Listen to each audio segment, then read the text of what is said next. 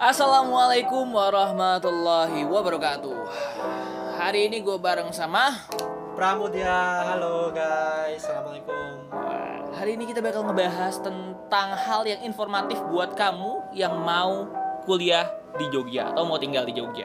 Pas banget karena apalagi kemarin SNM baru aja diumumin nih. Mm-mm. Jadi buat teman-teman yang baru lulus SNMPTN selamat kami ucapkan dan ayo langsung hunting ya tempat tinggal. Tempat tinggal, bener banget. Soalnya jadi mahasiswa itu tempat tinggal tuh paling utama nomor satu. Masalah jaraknya, fasilitasnya, sampai ke biayanya kan itu berpengaruh ya kan. Bener banget. Nah itu yang mau kita bahas pada episode kali ini nih. Wah, karena kita berdua memang mempunyai tempat tinggal yang berbeda. Iya nih, cukup unik nih. Heeh. dan kita juga bakal ngasih tahu tempat tinggal apa sih yang sekiranya cocok buat kalian ya. Nanti kalian lah ya. Yang pertama kita mau ngasih tahu kalau orang-orang di Jogja itu biasanya tinggal di beberapa tempat. Pertama, ada kos-kosan. Oke, yang ini yang lumrah lah ya. Umumnya ditemui lah mahasiswa-mahasiswa pasti tinggalnya di kosan. Nah, kosan ini biasanya kita nyewa satu ruangan, ya bisa sendiri, bisa berdua ya, sifatnya sedikit dan kecil biasanya, tergantung biayanya ya. Semakin besar biaya yang dikeluarkan, maka semakin bagus juga fasilitas yang didapatkan. Of course. Hmm, Nah, ini adalah tempat tinggalnya Pram ya. Bener banget. Gue dari awal itu tinggalnya di kosan. Mm-mm, dan saya tidak. yang kedua ada kontrakan. Kalau kontrakan ini bareng-bareng nih biasanya nih lima Ah. orang, enam orang, tujuh orang gitu, bahkan 10 orang gitu biasanya. Yang disewa bukan cuma satu ruangan doang, bisa satu rumah ya. Satu rumah jelas itu udah pasti itu jadi milik kalian bisa dipakai Dan biayanya itu tergantung dari orang-orang yang ada di dalam. Oh jelas sekali. Kadang ada yang tidak mau membayar juga. Wah itu dia. Jadi pastikan buat teman-teman ya, pastikan temen yang satu kontrakan dengan kalian itu adalah orang yang eh, amanah, Taat Minimal- taat finansial. taat finansial dan nggak suka ghosting, tahu-tahu hilang. Yes. Kok barangnya udah kosong? Bener banget itu. Nah selain kontrakan itu apalagi sih? Oh ini asrama. Asrama mahasiswa. Iya asrama mahasiswa. Biasanya yang dari luar pulau gitu, luar provinsi gitu Hmm. biasanya di asrama dikasih asrama. Dan harganya ya kosan sama kontrakan murahan kontrakan bisa jadi bisa juga ma- lebih mahal. Dan kalau mahasiswa itu asrama kayaknya lebih murah deh. Iya biasanya itu difasilitasi dari pemerintah daerah katanya dengar-dengar. Mm-mm. Tapi ada juga yang memang diinisiasi oleh mahasiswanya sendiri gitu. Dan juga ada yang namanya eh, asrama mahasiswa organisasi. Oh As- iya eh, benar banget itu. eh, Itu biasanya lebih murah lagi tuh. Iya benar Dapat supply dari organisasinya. Cara masuknya tinggal masuk organisasi, masuk lagi ke kantor ya. Jadi kader biasanya. Jadi kader. Jadi kader. Jadi tiap hari kerja dan bergerak. Wah. Kemudian ada juga tempat hidden gem nih. Ini adalah hidden gem yang mesti Wes. kalian tahu. Ada hidden gem tuh apa tuh hidden gemnya tuh? Jadi tempat tinggal ini apa nih? Apartemen bulan bintang. Masjid, maksudnya masjid. Ya. Masjid bisa. Iya bisa ditinggalin cuy. Oke. Aku ini sebagai seorang mahasiswa yang selalu taat kepada Allah Subhanahu wa taala Masya Allah. memutuskan untuk tinggal di masjid karena gratis. Iya. Tapi emang gini ya. Kalau aku lihat-lihat ini di Jogja ini manajemen mas- masjidnya tuh salah satu yang terbaik kalau aku bilang tuh. Mm-mm. karena mereka benar-benar memuliakan jamaah, bahkan mahasiswa juga sering gitu ada iklan-iklan di Jogja. Mungkin nanti teman-teman kalau ke Jogja bakal sering menemui iklan-iklan baik di mungkin di Instagram itu atau mungkin di tempel Facebook. Heeh, di Facebook atau di tempel gitu itu banyak masjid yang menyediakan tempat tinggal Mm. gitu. jadi itu emang beneran ya Iya bener banget. Jadi teman-teman bisa cari dulu ya sebelum datang ke Jogja cari di Facebook bisa, di Instagram bisa, Twitter jangan. Facebook biasanya masuk itu grup grup info-info kosan Iya, grup info kosan ada, bisa teman-teman cari di situ. Oke. Dan masalah fasilitas ya, biasanya nih tempat tinggal berhubungan dengan fasilitas apa aja yang didapetin. Kalau di kosan, lu kan tinggal di kosan nih. Apa yang didapetin ketika lu tinggal di kosan? ya basic kosan sih kayak kalau mungkin kan harganya macam-macam ya tentunya kosan ya Hmm. mungkin yang dari paling bawah itu sekitar 400 500 ribu Ya. untuk mid range ya mungkin 600 sampai 800 lah gitu Mm-mm. dan di atas itu udah high range lah gitu kalau untuk yang di range range 400 ribu tuh ya udah dapat kamar kamar mandi luar gitu sih free listrik gitu kalau kalian beruntung juga dapat free Wifi. wifi Iya. gitu.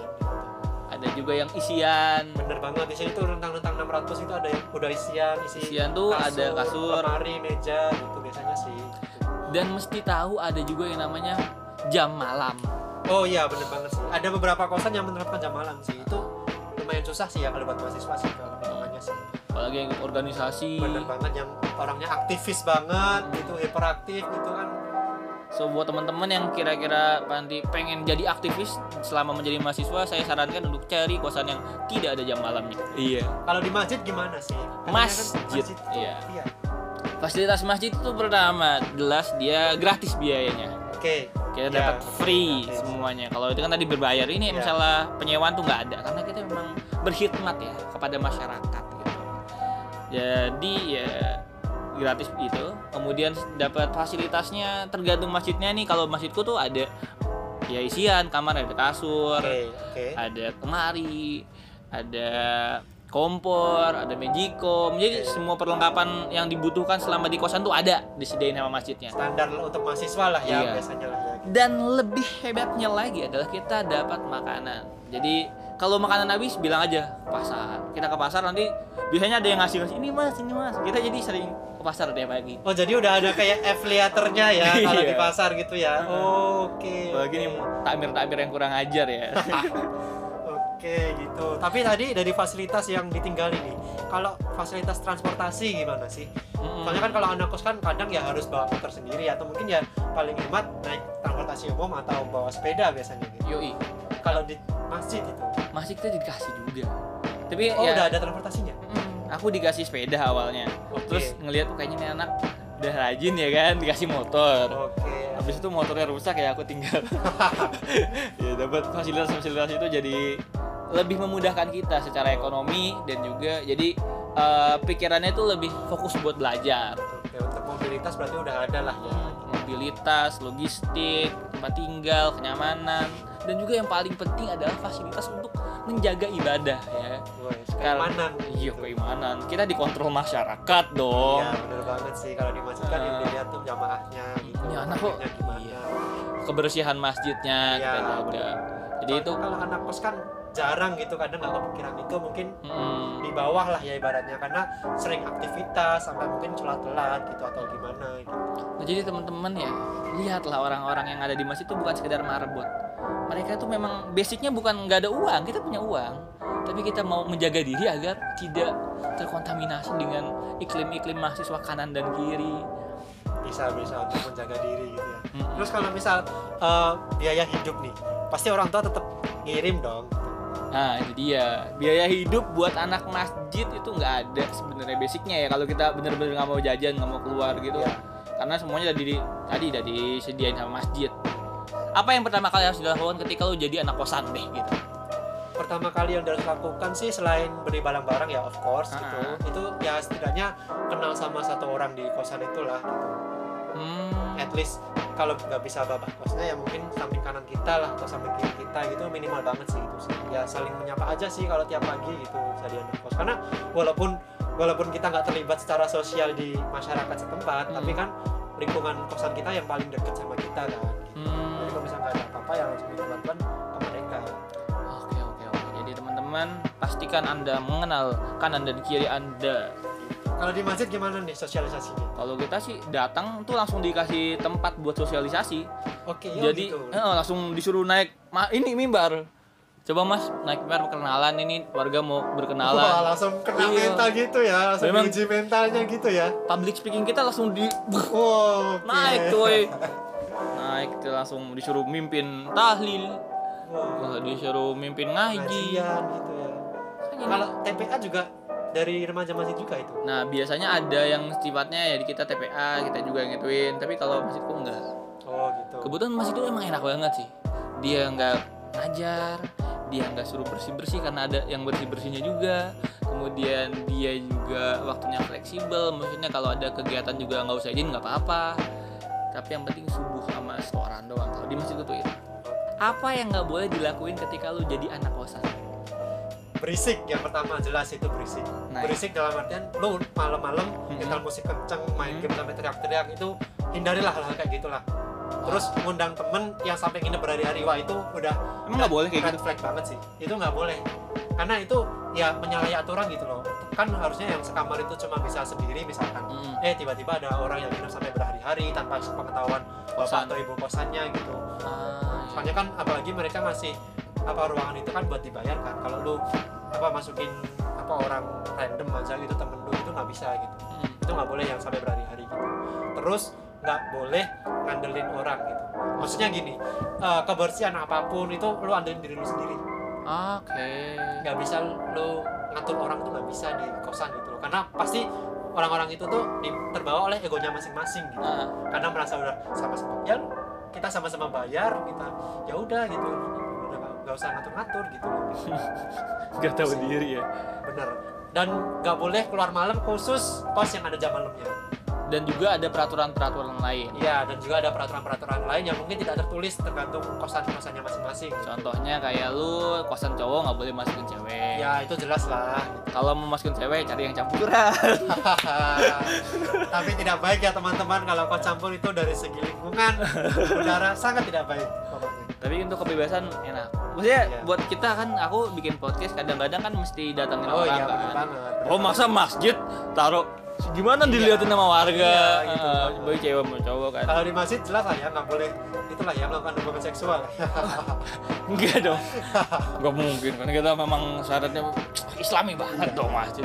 Masjid aja nggak apa boleh. nih yang nggak boleh dilakuin di masjid sebagai penghuni masjid lah gitu. Pertama yang jelas nggak boleh maksiat. Antum nonton film bokep di masjid kan aneh. Oh, ya oke. Tadi kita mau nonton bokep ya keluar dulu. lupa nggak kosan temen? Iya, ngapain? Mau main aja gitu kayak gini. Kamar mandi kosong nggak? oke. Kagak kayak gitu. kalau ngotorin ngotorin barang di sana gitu gunain barang boleh ya? Iya, ki- ya itu dia kebersihan ya, kebersihan kadang meskipun masjidku tuh apa ya, ya nggak disuruh buat bersih bersih tapi mesti jaga kebersihan juga kayak ya cucian. Kadang-kadang kita nyuci juga kan ada beberapa yang nyuci di masjid terus eh, masalah tempat sholat sih yang penting sih sholat datang pas eh, diundang tahlil ikut sama ya udah itu doang kayaknya kalau main game gitu main game di masjid ya sebagai penghuni masjid itu boleh nggak sih Nah itu dia. Beberapa masjid mungkin ada yang nggak bolehin, cuman masjid gue ya bebas. Masjid yang ya open minded lah kita bilang. itu tetap tergantung manajemen masjidnya lah ya Mm-mm. tapi memang mayoritas manajemen masjid di Jogja ini udah udah bagus lah ya aku bilang yang memuliakan jamaah dan mahasiswa-mahasiswa kayak gitu udah bagus lah. Mantap sih. Jadi ya apa opsi yang lain. Cari kosan. Aduh biayanya mahal. banget bulanan harus rutin Ah, aduh. Mending masuk masjid saja. bisa mungkin buat teman-teman ketika nanti udah mulai kuliah jadi maba udah offline kan datang Nah. merantau gitu mungkin bisa nih cari info-info masjid yang membuka gitu Iya, tapi sayangnya masjid hanya untuk laki-laki. oh oke oke berarti perempuan nggak bisa nih ya perempuan lah bisa. ya Jadi Anda dieliminir, tapi bisa masuk ke asrama saja. tapi apa tuh pertimbangannya kenapa kok cuma boleh cowok gitu yang masuk Pertama memang kebutuhan masjid itu imam oke iya Nah, buat mimpin Ah, tahlil oke dan biasanya ya mimpin-mimpin laki-laki.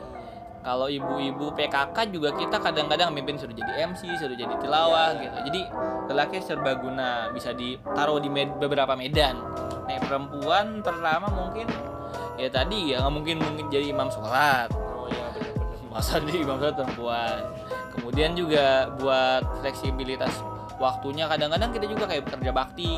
Oh iya iya benar-benar kayak misal benerin speaker atau gimana itu kan Oh. kalau cewek nggak mungkin. Masa cewek nggak manjat ke atap benerin toa kan? Iya Cewek oh mana? iya benar-benar masuk akal ini emansipasi wanita sih. Ya bukan gitu sih tapi kita memang memberikan eh, apa ya tempat wanita untuk sesuatu yang nggak terlalu berat lah ya. Ya karena memang job desk-nya tuh yang kalau di masjid kan pasti yang berhubungan dengan elektrik dan sebagainya kebersihan dan barang angkut-angkut lah ya gitu gitulah ya kurang total satu bulan biaya di, di kosan berapa? Ya udah aku mention di depan itu sekitar satu setengah juta sih. Satu iya ya mungkin kalau ngepres ngepres banget satu juta lah. Itu udah kosan makan sama biaya yang lainnya? Nah, itu udah ngepres banget itu satu juta. Nah itu dia. Kalau di masjid kalian bisa suka-suka kalian ngaturnya. berapapun lah ya. Berapapun bisa. Asal buat tadi sabun paling ya sabun bensin kalau naik selain sepeda ya aman. Oke. Berarti gitulah ya untuk tempat tinggal alternatif buat mahasiswa ketika nanti kalau udah kuliah di Jogja bisa jadi opsi nih Hmm. cari info masjid yang membuka nih tempat tinggal untuk mahasiswa. Udah hubungin saya aja. Cek at muasdum underscore oke bisa juga dicek at pramarta Wih, kita promosi di akhir ya. Terima kasih banyak Pram yang udah nemenin aku dari awal sampai akhir. thank you thank you Dan sampai bertemu lagi teman-teman stay tune at Ngop Podcast. Tadeng.